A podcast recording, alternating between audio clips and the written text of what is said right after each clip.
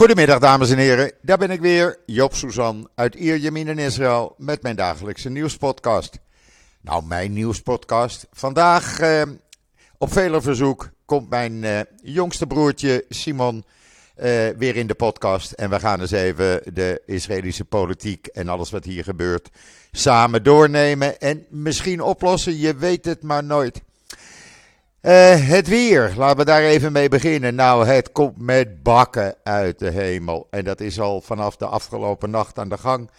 Uh, eigenlijk constant. Het zijn enorme waterstromen die naar beneden vallen. Soms kan je geen, uh, geen vijf meter vooruit kijken. Het is niet normaal. De afvoeren kunnen het niet aan. De straat staat weer regelmatig blank.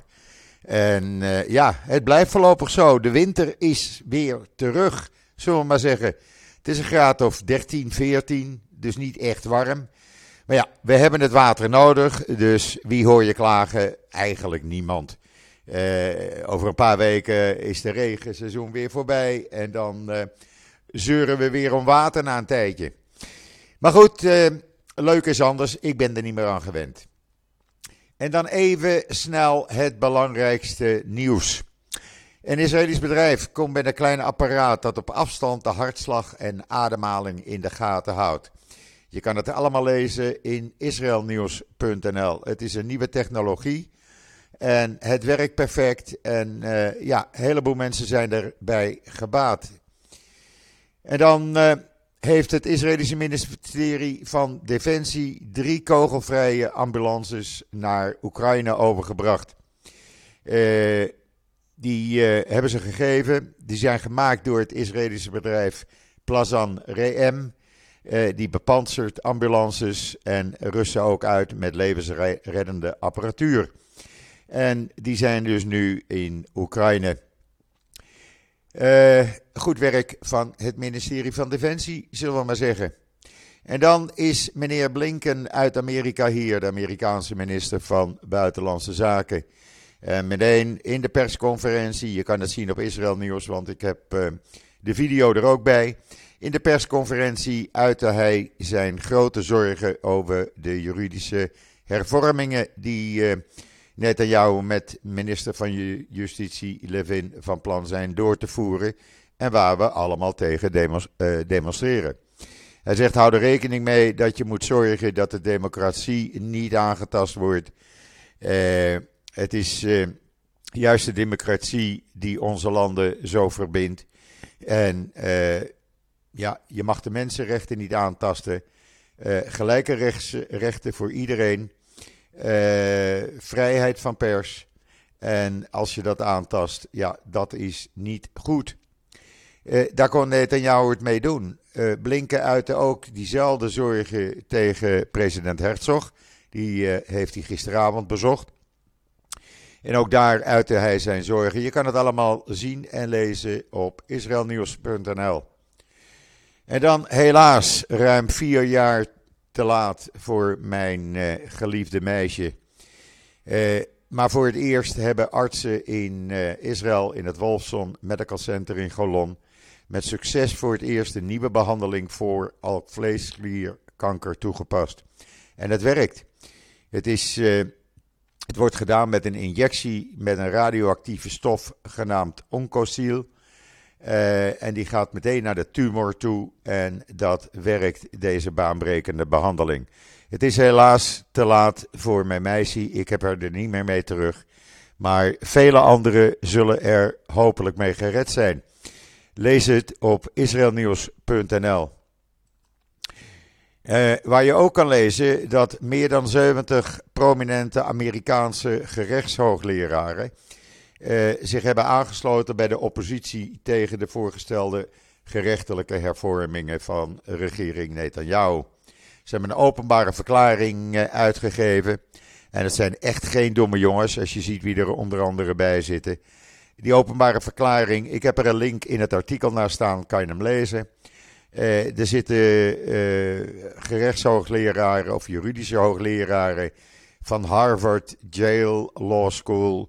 Uh, nou ja, van de bekendste en beroemdste universiteiten in Amerika. En ja, ze maken zich erg, erg zorgen om wat er hier gebeurt. En dan uh, heb ik een video in Israël Nieuws staan waarop je kan zien hoe de Dode Zee elke dag op dit moment 600 Olympische zwembaden verliest. Ja, je gelooft het niet, maar in die video kan je het echt zien. Uh, ja, daar moet wat aan gedaan worden. En gisteravond is er in de Knesset uh, in de eerste ronde van de drie rondes gestemd over een wetsvoorstel om het Israëlische staatsburgerschap te ontnemen aan mensen die voor terreur veroordeeld zijn en die het Israëlische staatsburgerschap hebben en betaald worden door de Palestijnse leiding. Nou, iets wat zelden gebeurt, de hele Knesset was voor. Dat is iets zeldzaam. Niemand was tegen, dus die wet uh, zal er binnenkort wel komen. Dan uh, mensen die uh, ja, terroristen die een aanslag plegen en die niet doodgeschoten worden, die verliezen dan meteen het Israëlische staatsburgerschap. En dat betekent ook voor hun familie, hun vrouw, kinderen, whatever. Ja, die hebben dan een groot probleem, want dan krijg je ook geen uitkeringen meer vanuit Israël. En dan hebben de Israëlische veiligheidsdiensten bekendgemaakt dat ze zich voor hebben bereid voor Iraanse vergeldingsaanvallen. Uh, want die worden wel verwacht. Uh, naar die aanval die aan Israël wordt toegewezen en waar niemand aan twijfelt dat Israël die heeft uitgevoerd. Op die fabriek waar die zelfmoorddrones worden gebruikt, worden gebouwd. Die de Russen bijvoorbeeld uh, aangekocht hebben en nog steeds aankopen. Om zelfmoordaanslagen met drones in Oekraïne uit te voeren. Eh, de veiligheidsdiensten zijn helemaal klaar. Ze hebben zich voorbereid uh, voor elke actie die uh, Iran zou willen uitvoeren in of op Israël. Je kan het lezen in de Times of Israel, waar je ook kan lezen dat die ultra-orthodoxe demonstrant, die door wiens schuld een vrouw tijdens een demonstratie zeer ernstig gewond raakte, een moeder van tien kinderen, ligt nog in het ziekenhuis. Die zegt dat hij erg trots is dat hij in de gevangenis zit. Nou, dan mag hij er voor mij de rest van zijn leven gewoon lekker in blijven. Als jij dat een mentaliteit vindt, ik het dus niet. Uh, en dan is er ook een rapport uitgekomen waaruit blijkt dat vrouwen maar 34% van de high-tech werknemers uitmaken. En dat valt toch wel tegen. Ik had gedacht dat het veel hoger zou zijn. Maar volgens het rapport in de Times of Israel is het maar 34 procent. Nou, dat is dan weer een tegenvaller, moeten we even zeggen. En dan gaat uh, Netanyahu voor het weekend even naar Parijs. Sarah zal wel meegaan, denk ik. Uh, ze gaan uh, vanaf donderdag tot zaterdagavond naar Parijs. Ze hij ontmoet ook president Macron. Ik denk dan nog niet dat ze met de Air Force One kunnen, de Israëlische Air Force One. Want Sarah heeft die uit de mottenballen laten halen. En dat ding maakt op dit moment testvluchten. Want ja, ze wil met de Air Force One, waar een slaapkamer in zit. En weet ik veel allemaal. Dat ding is voor honderden miljoenen verbouwd, aangepast, alle veiligheidssystemen. En mevrouw kan in luxe reizen. Want ja, met een uh, gewone lijnvlucht, daar doen we niet aan. En dan zijn zes Israëlische restaurants die behoren bij de 50 beste in het hele Midden-Oosten en Afrika. Hoe vind je die? Dat is uh, in uh, Dubai gisteren bekendgemaakt. En ja, ben er toch wel een beetje trots op. Zes restaurants uit Israël. Lees het in Times of Israel. En dan meneer Ben die wil dat terroristen op de elektrische stoel komen of opgehangen worden, maakt hem niet uit, zolang ze maar de doodstraf krijgen. Ja, ik persoonlijk denk daar iets anders over. Want wat willen terroristen? Stel dat ze een terreuraanslag overleven. Ze willen niets liever dan martelaar worden. Ze willen dood. Dus ik denk niet dat terroristen het erg vinden als ze door meneer Benkwier op de elektrische stoel of aan de strop uh, hangen. Want dat is precies wat ze willen. Dus het lijkt mij uh, persoonlijk, maar goed, jullie kunnen daar anders over denken. Uh, het lijkt niet zo'n goed idee. Aan de andere kant, er zitten natuurlijk al tienduizenden terroristen in gevangenissen hier in Israël. En dat kan ook niet doorgaan. Dus je moet iets verzinnen. Maar ja, de doodstraf. Laat ik er eens uh, met mijn broertje over gaan praten. Op vele verzoek, mensen begonnen te zeuren. Joop, wanneer komt je broer weer? Nou, uh, nu dus. Uh, ik ga hem even bellen. Hij zit in Haifa. ook lekker in de regen. Ik ga hem even bellen en ben met een paar seconden bij jullie terug. Nou, dan heb ik uh, aan de andere lijn mijn broer Simon. Goedemiddag, Simon. Goedemiddag, Joop. Hoe is het daar? Ook regen in Gaifa? Heerlijk. We hebben een uurtje zon gehad. Je en nu wordt het weer donker, krijgen we weer lekker regen. We moeten, we moeten nog steeds, na 50 jaar moet ik er nog aan gewend raken, dat het jaarlijkse gemiddelde regen in Israël in drie dagen valt. Ja. Ik raak er ook niet aan gewend, want de straten stonden hier weer uh, onder water. Dus uh, die riolen kunnen het niet aan. Terwijl het hier rechtstreeks naar de zee gaat. Hè? Dit is water naar de zee dragen bij ons. Dus, ja, nou hier, hier valt de berg af. Oké, ja, dat is zo. Simon, ik, ehm, ik eindigde net in mijn voorgesprekje over meneer Ben-Gvir en de doodstraf, de elektrische stoel of de strop voor terroristen. Uh, ik weet dat jij daar iets anders over denkt als ik. Ja, nou, het is ook uit ervaring. Kijk, mijn ervaring met terroristen is, uh, godzijdank, altijd ten nadele van de terrorist afgelopen. het een, voornamelijk, ik kan, ik kan geen percentages geven, want er zijn er te veel geweest, maar de meeste die je, die tegenkomt in, als ze in actie zijn, zijn zwaar onder de druk, ze hebben geen informatie voor je kunnen je niet veel vertellen, zijn er helemaal niet bij. Uh, en we moeten even onthouden, het conflict in het Midden-Oosten is niet tussen Israël en de Palestijnen. De Israëli's en de Palestijnen zijn al lang uh, klaar met elkaar, we kopen bij elkaar. Uh, de Arabische dorpen zijn heel populair voor hun winkelcentra waar Israëli's kopen. Ja, dat weet onze, onze, onze conflict is met terroristen en met niemand anders. Ja. En met terroristen valt maar één ding te doen, in mijn ervaring. En dat is te zorgen dat ze zo snel mogelijk in 72 maagden of 72 knapen ontmoeten. En niks anders. Ik geloof er verder ook niet in. Ik geloof niet in gevangen nemen van terroristen. Ze krijgen toch alleen maar een salaris van Sigrid Kaag en haar kornuiten. Dat heeft allemaal geen zin. Nee, daar, heb je, geen zin. daar is ook wat voor te zeggen. Daar is ook wat voor te dat zeggen. Dat heeft geen zin. Nee. Die jongens zitten in de gevangenis, krijgen familiebezoeken, mogen een, een, een, een, een samen zijn bezoek hebben met hun vrouwen of met hun mannen of wat ze maar willen. Ze krijgen een salaris. Ze leren op de universiteit in de, in de gevangenis. Het is te belachelijk om los te lopen. Daar ben ik het helemaal mee eens. Terroristen hebben geen plaats in deze wereld. Om de simpele reden dat zij denken dat wij geen plaats in deze wereld hebben. Oké. Dus het wordt zij of wij. En in dat geval geloof ik dat het beter is dat zij eraan gaan en niet wij. Goed zo. Het is, uh, ik, kan, ik kan erin meegaan hoor. Alleen ik ben niet zo voor de doodstraf. Maar zoals jij het uitlegt, kan ik, uh, kan ik daarmee leven. Ja, daar kan ik mee, uh, mee leven.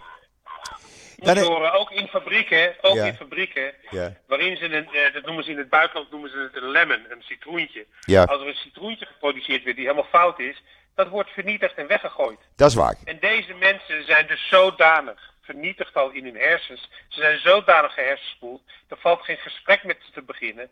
Er valt niets met ze te doen. Ze zijn zwaar onder de druk. Ze komen alleen maar om mensen te doden. Ja. Nou, wat moet je daarmee aan? En denk jij dat... Een opvoeding geven, een opleiding geven en een salaris geven. En die familie een salaris geven. Het is, dit is te belachelijk. Ja. Denk jij trouwens dat het onder deze regering een wet wordt? Eh, ze gaan het proberen, dat weet ik zeker. Of het er doorkomt, eh, als er nog, als er God bewaar, nog zo'n zware klap komt als verleden week. Dan gaat het door. Dan, dan uh, gaat het te snel door. Uh, natuurlijk zullen er tegenwerpingen zijn, niet alleen humanitair, maar ook de angst dat als er God bewaar een Joodse soldaat zal worden ontvoerd, dat hij niet als, als gijzelaar zal worden gehouden, maar meteen zal worden vermoord. Nou, dat hebben ze genoeg gedaan. Dus ik geloof niet dat, dat we daarmee moeten bijdenken, meedenken en daar angst voor moeten hebben. Um, wij moeten zorgen dat in ons land niemand in de gevangenis zit die er niet hoeft te zitten. En ik geloof niet dat een terrorist of een hulp aan de terrorist in de gevangenis hoeft te zitten. Ik vind het allemaal zonde. Ja. Ja, want ze gaan nog eens een keer studeren. En mevrouw Kaag blijft maar betalen natuurlijk aan die uh, familieleden. Nou, ze is niet de enige. Ze is niet de enige. Nee. Maar het is wel de meest arrogante. Ze is de enige die het ontkent. Ja, ja. ja. De andere mensen die dat geld sturen, zeggen het heel open en eerlijk. Ik kan je vertellen, ik krijg zojuist een telefoontje uit Berlijn. Daar is een hele grote organisatie van alle Duitse firma's die fout waren in de zwarte jaren. Die firma die heet EVZ. Die zit in Berlijn. Die firma heeft maar één doel en dat is Joden te ondersteunen, Joden terug te betalen, Joodse projecten eh, te ondersteunen waar de Holocaust wordt uh, herdacht, et cetera. En die hebben nu voor het eerst hebben ze in hun uh, leidingsgroep, in hun directiegroep, hebben ze een Palestijn opgenomen. Oh. Dus ik, ik, ik, weet nog niet hoe ik daar moet op reageren. Nee, een beetje dubbel. Maar ik, ik vind het, ik vind het, uh, ik moet altijd denken aan die man die wordt opgehangen en uh, de, de galg loopt en de trap op gaat. En Ja. dan, zegt, uh, dan zegt de bel, zegt voorzichtig bij die trap breek je je nek niet. Ja, precies. Daar moet ik altijd even aan denken. Eh, Even wat anders, Siem. We hebben die demonstra- demonstraties nu, hè, een paar weken al. Eh.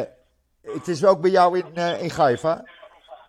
Onder mijn huis, ja. Oh, onder je huis. Ja, ze zijn bij ons nu bij mij op de hoek begonnen. Dus ik hoef zaterdagavond niet zo heel ver te gaan. Ik hoef niet naar Tel Aviv. Nee, je Ik kunt gewoon buiten op je balkon zitten en meeluisteren. Ja, bij wijze van spreken. Bij wijze van Ja, spreken. dat doen wij hier. Eh, vind jij dat het, dat het resultaat zal, zal hebben? Laten we het in tweeën delen. Ten eerste is het belangrijk in elke democratie dat er mensen kunnen demonstreren. Ja. Dat, dat, dat ze toestemming hebben gekregen natuurlijk. Eh, dat de mensen demonstreren is prima, dat ze hun mening uit is prima.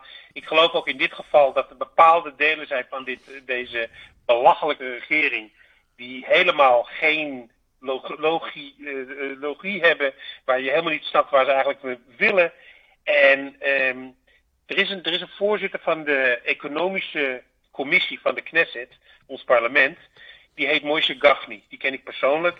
En die man is altijd heel erg redelijk geweest. Hij is een zwaar religieuze man. Ja. En natuurlijk waren het meeste van zijn beslissingen ten voordele van de religieuze eh, eh, inwoners van Israël. Kan ik begrijpen, zolang jij in de regering zit en jij de meerderheid hebt, kun je dat doen. En dat begrijp ik allemaal best. Maar hij vergooit no- vergat nooit de andere gedeelten van de bevolking die geld nodig hadden. Deze keer is hij nu eindelijk na een jaar, anderhalf jaar is hij teruggekomen. Als voorzitter van de eh, Commissie voor Economische Zaken Ja. van de Knesset. En elk tweede woord van hem is revanche, revanche, revanche. Ik ga jullie terugpakken, ik ga jullie terugpakken. En ik, ik snap deze man niet. En deze hele regering schijnt erop gebaseerd te hebben om iemand terug te pakken. Waarom terug te pakken, weet ik niet. Maar we hebben geen ruzie onder elkaar, we hebben alleen meningsverschil onder elkaar. Dat moeten we even goed begrijpen. Het is geen Ja. oorlog in Israël en er is geen burgeroorlog. Nee. Maar wat je op dit moment krijgt dus, is dat een, een meerderheid van 64 eh, stoelen, van de 120 stoelen in onze Knesset, beheerst worden voornamelijk door mensen die een behoorlijk kleurrijk verleden hebben. Die niets te doen hebben met defensie omdat ze nooit in het leger gezeten hebben. En die geen belasting betalen voornamelijk. Een, een, een bevolking representeren die geen belasting betaalt. En op een goed moment kunnen we in een situatie zijn dat mensen die hun eigen kinderen niet naar het leger sturen, mijn kinderen of God bewaar mijn kleinkinderen, in het leger naar een oorlog sturen waar ze zelf niks mee te doen hebben. Ja. En dat is dus iets te veel. We willen hier gelijkheid hebben. We willen dat iedereen iets op zijn schouders neemt om deze sta eh, staat te ondersteunen. Ja. En als het een religieus persoon moeilijk is om in het leger te gaan, dan kan hij in ziekenhuizen en in bejaardentehuizen gaan helpen. Precies. Twee jaar. Precies. Eh, er valt genoeg te doen. Ja. Eh, ik kijk altijd hier in Haifa, waar zelfs moslims hun kinderen naar het leger sturen. Waar zelfs eh, moslims die hun kinderen niet naar het leger willen sturen om deze en andere redenen, hun kinderen in, in een jaar of twee jaar nationale service laten doen. In een ziekenhuis, in een bejaardentehuis, en het maakt niet uit waar. Omdat we dit land willen ondersteunen. Het- dit, dit is het, dit is het enige land wat we hebben. Ja. We hebben geen ander Ik land. bedoel, we kunnen ons een Joods land noemen, maar zoals Nederland een christelijk land is, waar plaats is voor andere geloven, eh, is er ook in Israël plaats voor andere geloven. En ik geloof niet dat er veel Arabische, of laat ik zeggen moslimlanden zijn, waar vrouwen zoveel vrijheden hebben als hier in Israël. En waar moslims gewoon ook met hun eh, politieke overwegingen die niet ten voordele van het staat zijn, gewoon deel kunnen uitmaken van het eh, democratisch proces en in het parlement kunnen zitten. Ja. Ze zijn ook ministers geweest ja. de eerste keer, een jaar geleden. Mensen die hebben gezegd, ik ben niet, niet eens met wat deze staat doet aan de Arabieren of aan de Palestijnen, maar ik wil er iets doen, iets aan doen uit de positie van deel zijn van de regering van, deze, van dit land. Nou ja, en dat kan ik begrijpen. En ze, maken ook, deel, uh, ze maken ook deel uit van, van uh, uh, ambassadeurs hebben we gehad, Druzen en moslims. het, hoge, het, zit er, vol mee. Hoge legerofficieren. Ja. Het, opge, het Hoge Rechtshof heeft deze week weer een Arabische hoogrechter erbij, opperrechter erbij. Ja. En dat, is niet om van de, dat heeft niks te doen met deze regering, want die had dat echt niet gewild. Nee, precies. Deze regering had dat niet gewild. Maar hij is er wel bij, omdat hij gewoon, hij is goed in zijn beroep. Klaar. Ja, daarom, er wordt niet gekeken naar je geloof, er wordt gekeken hoe goed je bent. Ja, ja, absoluut. Even wat anders, waar we de laatste 24 uur veel mee te maken hebben gehad, is natuurlijk die, die aanval op die droomfabriek in uh, Isfahan in Iran. Uh, ja waar die uh, zelfmoorddrones worden gemaakt die uh, Rusland koopt om in Oekraïne moord en verderf aan te richten. Uh, nou, er lagen daar ook 17, er lagen daar ook 17 ballistische raketten klaar die in elkaar gezet moesten worden. En die kunnen op dit moment niet in elkaar gezet worden. Nee. Kijk, je moet, je moet altijd onthouden, Arik Sharon heeft ooit gezegd over Iran en andere extreme vijanden die we hebben hij heeft altijd gezegd, die mensen hebben, hebben de olie, maar wij hebben de lucifers. Ja. En dat moet, dat moet je goed onthouden. Iran is niet zo sterk als men denkt. En is ook niet meer zo belangrijk als men denkt. Het is een raar land geworden waarvan de inwoners alleen maar lijden onder een, onder een regering die net als Hamas een mooi verdienmodel heeft gevonden in extremisten zijn. Ja. Dat is alles. Ja. En eh, het, het, luchtruim van Iran is open als het vergiet. Je kunt daar doen waar later wat je wil. Niet alleen Israël zit daar eh, te klooien. Genoeg andere landen zitten er ook te klooien die daar interesse hebben om te klooien. En er moet één ding duidelijk zijn. Eh, ze kunnen hun eigen mensen onderdrukken en die mensen kunnen een opstand voeren of geen opstand voeren. En ze doen maar. Maar één ding gaat dus niet gebeuren. Ze krijgen dus geen atomische of kernwapens die ze kunnen gebruiken. Dat gaat niet gebeuren. Daar ben jij zeker van? Uh, daar ben ik daar zo zeker als je maar zeker kunt zijn. Ja. Ze, kunnen, ze kunnen je altijd nog verrassen. Maar omdat hun, hun, hun, hun defensie zo lekker is als een vergiet. Eh, mensen begrijpen dat niet. Ik, ik krijg veel vragen uit Nederland. En dat komt ook terug op die vele arrestaties die worden uitgevoerd in de Palestijnse autoriteit. Men vraagt wat heeft Israël daar te zoeken? Nou, heel simpel. We worden opgebeld door verklikkers. Die zeggen, deze jongens, die moet je oppakken, want die gaan wat geks doen. Deze jongens moet je oppakken, die hebben wapens. En hetzelfde is in Iran. Er wordt genoeg verklikt in Iran aan de westerse wereld. Waarvan één gedeelte in de westerse wereld het absoluut niet aanneemt. Dat is natuurlijk West-Europa en met name Nederland. Je moet niet vergeten dat de enige reden dat Nederland een uh, militair attaché in uh, Teheran heeft zitten, is niet omdat hij het leger moet uitleggen hoe ze oorlog moeten voeren. Die militaire attaché zit daar omdat er handel is tussen Nederland en Teheran, direct of indirect, waar Nederlandse techniek en Nederlandse wapens of wapentechniek worden verkocht aan Iran.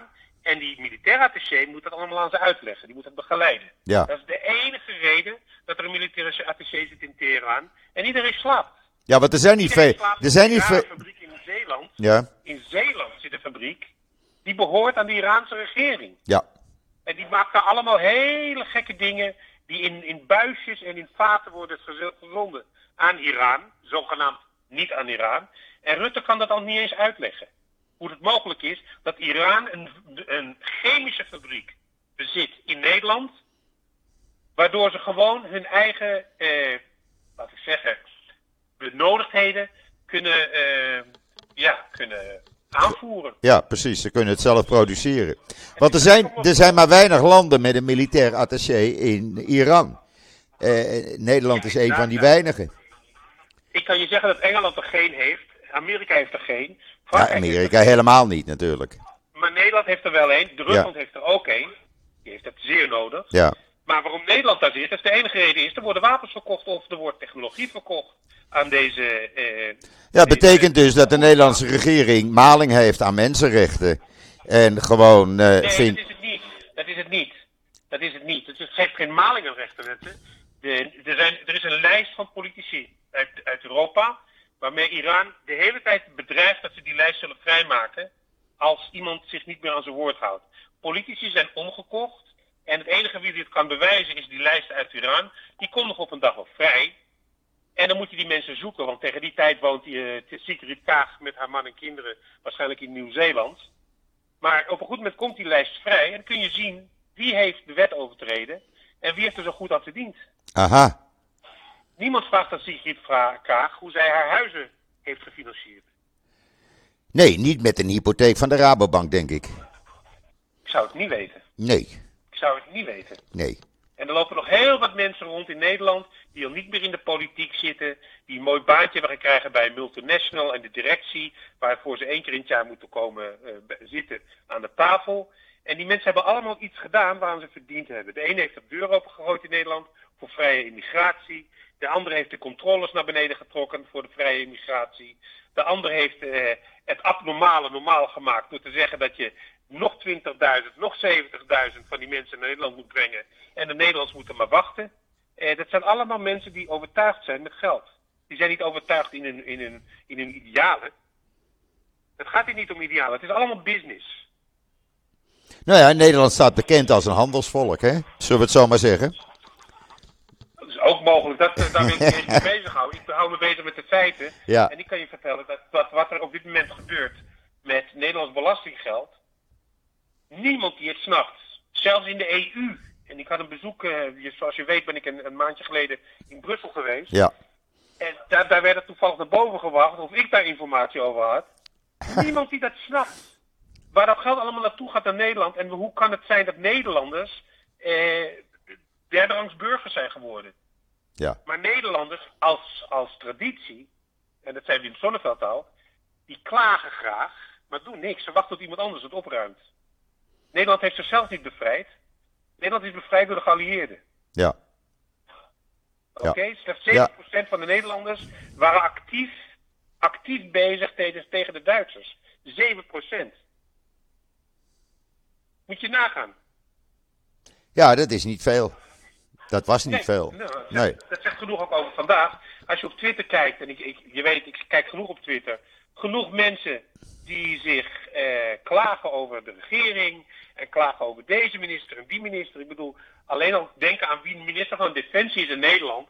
Dan lach je al kapot. Ja? Dat is, dat is een, een, een blinde die verantwoordelijk is voor de kleurentelevisie. Meer kun je niet zeggen. Dat is, dat is niet te geloven. Ja. Dat is gewoon iemand zonder rijbewijs die de bus mag eh, besturen. Ja. Ja, totaal geen dat laten verstand. we maar gaan, want het is, het is een vriendin van een dame die vandaag jarig is. Gefeliciteerd trouwens. Wie? Eh, de koningin, ex eh, vorige voormalige Oh ja, de voormalige koningin. Ja, Beatrix is vandaag jarig. Ja. Ja, Goh, mazzeltof. Ja. ja. Was me even ontgaan.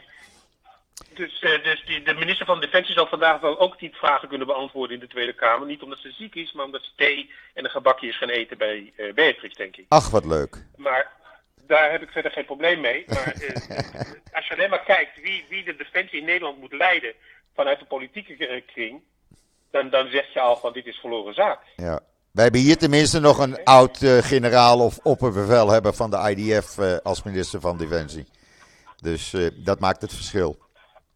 Ik bedoel, Galland heeft, eh, heeft eh, persoonlijk een paar rare dingen gedaan met zijn huizen, met grond wat hij heeft eh, ingepikt. En pas later heeft hij dat allemaal rechtmatig gemaakt. Maar het, het- Galland weet wel waar hij het over heeft, is over defensie. Absoluut. Zeker weten. En als je, als je het bekijkt dat je op dit moment Nederland alles heeft gedaan, die, die, die foto's uit Vlissingen met al die wapens en tanks en, en personal carriers die daar staan uit Amerika, die er al weken staan, alleen maar te wachten op de toestemming die nu is gekomen om die dingen door te sturen naar Oekraïne. Poetin heeft gezegd, dit is een oorlogsverklaring. Heeft hij heel duidelijk gezegd. En in Europa zitten nog steeds van, nou, laat maar gaan, stuur nog wat, stuur nog wat. Ik bedoel, Uh, Zelensky wil nou F-16's hebben. Ja. Dat wil hij nou hebben, want ja, die, die, die dingen kun je ook nog verkopen. maar ik bedoel, ik, ik bedoel, ik vertrouw die Zelensky voor geen cent, maar dat is om persoonlijke redenen. Ik ken hem. En ik heb hem een keer meegemaakt. En hij kwam zeer ongeloofwaardig over. Maar uh, hij wordt ook bestuurd door een groep mensen die uh, echt niet als vrienden wil hebben. Maar dat is een andere zaak. Uh, Poetin is boos. Poetin is heel koud. Poetin is onvoorspelbaar. En als antwoord op die bedreiging van Poetin, die ook al de premier van Engeland heeft bedrogen, eh, bedreigd met een eh, raketaanval, hebben wij in Nederland hebben we Pietje Puk.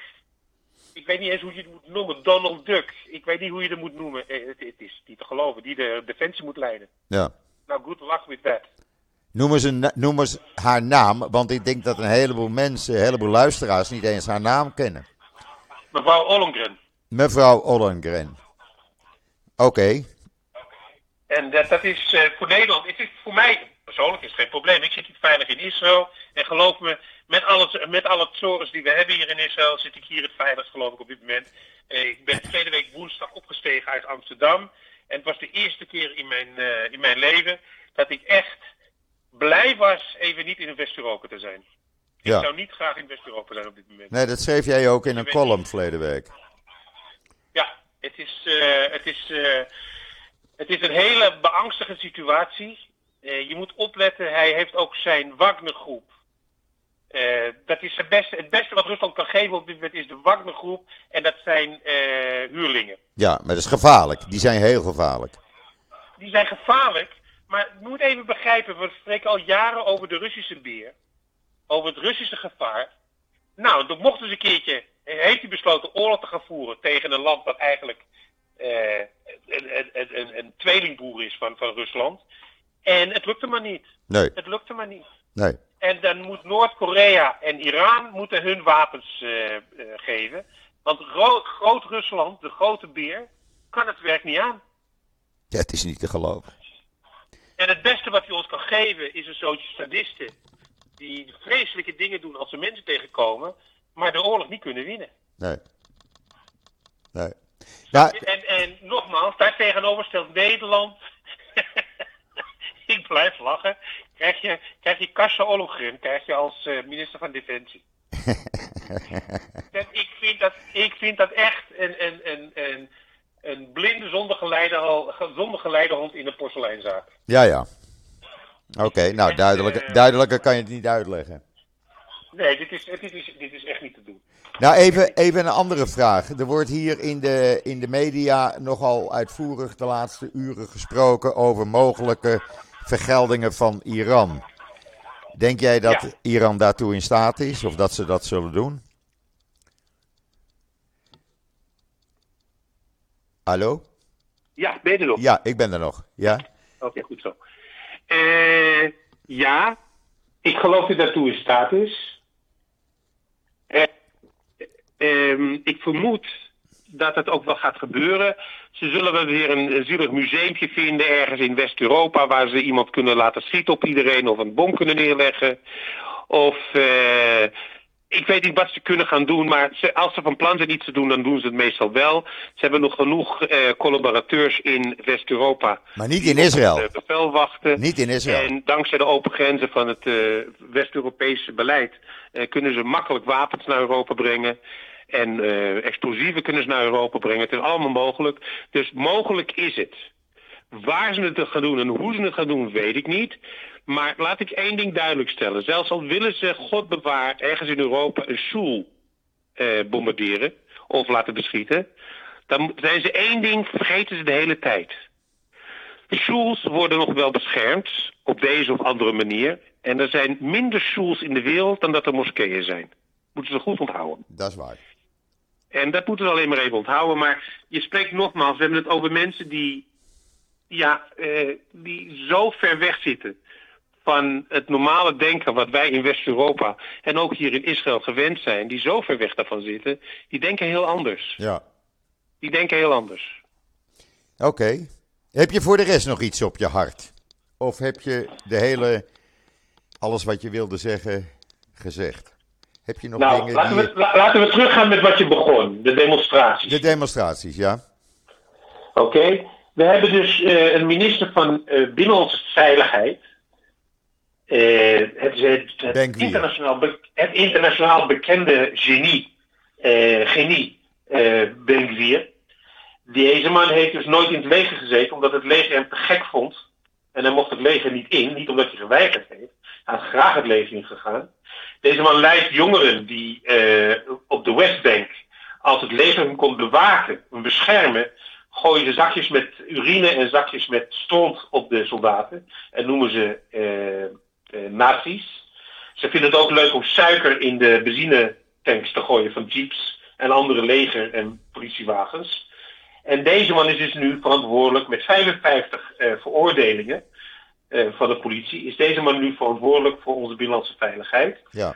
En toen hij dus zaterdagavond, pas Vrij, na vrijdagavond. natuurlijk. Vrijdagavond stond hij al te roepen. Ja, dat- vrijdagavond kwam hij ook, maar zaterdagavond kwam hij nog een keertje langs. En zocht hij camera's. En toen begon hij te schreeuwen dat hij... Hij kan helemaal niets doen, want die heeft zijn werk niet gedaan en die doet zijn werk niet. En Ja. iedereen anders was schuldig. ja, De man, de man is volledig overvallen door zijn taak. Hij snapt nu pas dat minister zijn een hele serieuze zaak is. Iets wat Kasia nog niet weet, maar hij weet het nu al. Dat het een hele serieuze zaak is dat je verantwoordelijk bent voor de veiligheid van je burgers. Houdt het in dat je niet verantwoordelijk bent voor de veiligheid van je vrienden, maar je bent voor de veiligheid van het hele land Ja. verantwoordelijk. ja, en dan Daar moet je... valt, heel wat, daar valt heel wat te doen. En dat heeft hij nog niet gesnapt. Hij is behoorlijk in paniek op dit moment. Hij probeert te kijken wie hij nog meer de schuld kan geven dat hij er niks van kan. en, en gisteren is hij gefotografeerd toen hij, eh, moest, hij moest soldaten salueren. Ja, En misschien heb je de foto gezien. ja, Hij salueerde met zijn linkerhand. ja, In plaats van met zijn rechterhand. Want je salueert in Israël nog altijd met je rechterhand. Zelfs al schrijf je met je linkerhand. ja, Je salueert met je rechterhand. En ik vermoed dat dat komt omdat zijn, voormalig, eh, zijn eh, voorganger in die functie hem dat niet heeft verteld. Dus die voorganger is daar schuldig aan. ja, eh, dat, hij, dat hij met zijn linkerhand heeft. En als die voorstander was deel van een andere regering, dus de hele regering voor hem, is er schuldig aan dat hem dat niet is verteld. ja. En daarom stond, hij, daarom stond hij vrijdagavond, toen hij de Shabbattafel moest eh, verlaten en zijn vrouw en kinderen alleen achter moest laten, al- alsof dat een eh, gunst was, stond hij met demonstranten op die plek van die aanslag vrijdagavond dood aan de Arabieren te roepen. Ja, maar dood aan de Bi- Arabier is, is, is net zo stom om te zeggen als, als dood aan alle Duitsers. Ja, Laten we niet vergeten dat Duitsland heel duidelijk heeft gesteld dat de nationaal-socialisten, zoals ze ze noemen, wij noemen ze nazi's, die, die mensen, daar had je mot mee. Je had niet mot met heel Duitsland, niet heel Duitsland stond erachter. En niet vergeten dat, eh, dat die meneer Hitler de ver- verkiezingen won met amper 30% van de stemmen. Maar die won hij wel omdat de, dat de andere kant was zo verdeeld dat hij dat makkelijk kon winnen. En toen heeft hij alle wetten uitgeschakeld, et cetera. Laten we dat even goed onthouden. En Nou ja, kijk, het mooiste voorbeeld, het mooiste voorbeeld, en dat weet jij ook. eh, pa en ma hebben altijd gezegd dat er een Duitse soldaat hun altijd van tevoren kwam waarschuwen als er weer een razzia in de buurt was. Dat weet je. Ja, ja, Dus- ja, ja. En laten we ook niet vergeten dat Panama een Duitse officier, we hebben de correspondentie gevonden, Ja, die, ja, die hun heeft beschermd Ja. en die jarenlang met hen heeft gesproken. ja, precies. Die was jarenlang in contact met. Nee, dat weet ik. dus Dat laten we, daar niet, laten we dat, laten we dat Nee. niet eh, gaan zeggen. Nee, precies. Precies. Eh, maar terug, terug eh, naar, naar Benkwier. Kijk, Benkwier is voor mij het symbool van deze regering. Ja, Hij is het symbool van deze regering. Iemand die niet snapt waar hij mee bezig is. Iemand die graag leuzen schreeuwt en daar uiteraard als mensen eh, net een, een, een verschrikkelijke aanval hebben gezien. En die aanval is gebeurd in een synagoge op de Shabbat. Door mensen die de hele wereld zeggen, je moet onze moskeeën wel eh, ehm, respecteren, want dat is een religieus eh, huis. Deze mensen die dus voetbal spelen in hun religieus huis. Schieten dus Joden dood terwijl ze staan te bidden in hun eh, synagoge. En of je nou voor of tegen religie bent, heeft er niks mee te maken. Benkwier en zijn kornuiten hebben nog steeds niet in de gaten dat het leiden van een land. Dat doe je niet met loze leuzen. Nee. Maar moet je doen met nadenken. En je moet met iedereen praten in een democratie. En niet alleen omdat je, zegt, dat je gaat zeggen van ik ben de meerderheid, dus ik doe wat de meerderheid wil. Nee, een democratie gaat er juist over dat de meerderheid zorgt dat er inderdaad de interesses van de meerderheid beschermd worden, maar ook die van de minderheid. Juist. Dat gebeurt in de democratie. Juist. Ik weet dat het in Nederland gebeurt het ook niet, dat begrijp ik. In Nederland is het heel modern om te zeggen dat iedereen boven 70 Joop, en pas op, ga niet terug naar Nederland. Want je krijgt binnenkort geen rechten meer in het ziekenhuis. Oh Je jee. hebt geen medicijnen meer. Je hebt je leven voltooid. En je kunt oprotten wat betreft uh, Sigrid Kaag. Ook, ook omdat je 70 bent. En ook misschien omdat je van een bepaalde achtergrond komt waar ze helemaal niks mee te Dan maken blijf ik hebben. toch liever hier, waar ze me nog met Achie, oftewel broertje, aanspreken. Hè? Ja, vind ik zo leuk altijd. Ja. Ik vraag altijd, eh, ik vraag altijd, eh, ik vraag altijd eh, kent mijn vader je moeder dan? Ja. Als, ze, als ze mij zeggen, ze vinden het zo leuk om hier te zeggen broeder, hè? Bro, vinden ze leuk om te zeggen. Achie. Bro. Ze, hebben, ze, Ja, ze, noemen, ze noemen mij altijd Achie. Dan zeg ik altijd, mijn vader was een, was een, eh, was een eh, bon vivant, maar ik weet niet of hij je moeder is. Ja, dat zal ik ook eens een keer zeggen. ja. Nee, dan blijf ik toch maar liever hier. Ja, inderdaad. Oké, de volgende regenbui is alweer losgebarsten hier. Ik denk dat we er een eh end aan gaan breien. We zitten op drie kwartier. Goed zo, Ik denk dat we aardig wat door hebben genomen, Sim. Hè? Inderdaad. En eh, ik beloof nu al aan alle luisteraars dat jij eh, binnenkort weer terugkomt. Want ik wil niet eh, klachten hebben van waar blijft je broertje. Dan voel ik me een beetje. hè? Dus Ja, ik voel me, ik voel me gediscrimineerd anders. Ja, ja, ja, ja, ja, ja. met mij. nee, Ik vind dat precies. discriminatie. Ja, nee, we houden het in de familie. Je komt snel weer bij mij terug zodra je weer uit het buitenland terug bent. Want daar zit je vaak. Dus ja, ik vond het weer gezellig. Goed zo, Ik ik, vond het weer gezellig. Het, eh, we hebben weer alles door kunnen nemen. En ik hoop dat iedereen eh, eh, tevreden is en het een leuk gesprek vond. Hey Siem, hartstikke bedankt. Blijf droog vandaag. Ga niet in de regen. Hou je warm, hou je droog. En we spreken elkaar snel weer. Tot ziens. Oké, doei doei. Hoi. Doei, doei. Hoi hoi. Nou, dat was mijn broer Simon. Ik hoop dat jullie het gesprek leuk hebben gevonden. Ik vond het weer gezellig. Niet dat ik hem eh, eh, zo weinig spreek, want we spreken elkaar eh, nou toch wel tig keren per week. Er is altijd wel iets. Maar ja, ik beloof jullie, we gaan dit regelmatig doen, één keer in de twee weken of zo. En misschien wel één keer in de week. Hangt even van de situatie af, maar hij komt snel weer terug. Dat was het dan voor wat mij betreft voor vandaag vanuit een eh, enorm regenachtig Israël. Ik wens iedereen nog een fijne voortzetting van deze laatste eh, dinsdag van de maand januari, 31 januari. Eh, maak er wat van. Ik ben er morgen weer en zeg zoals altijd: tot ziens. Tot morgen.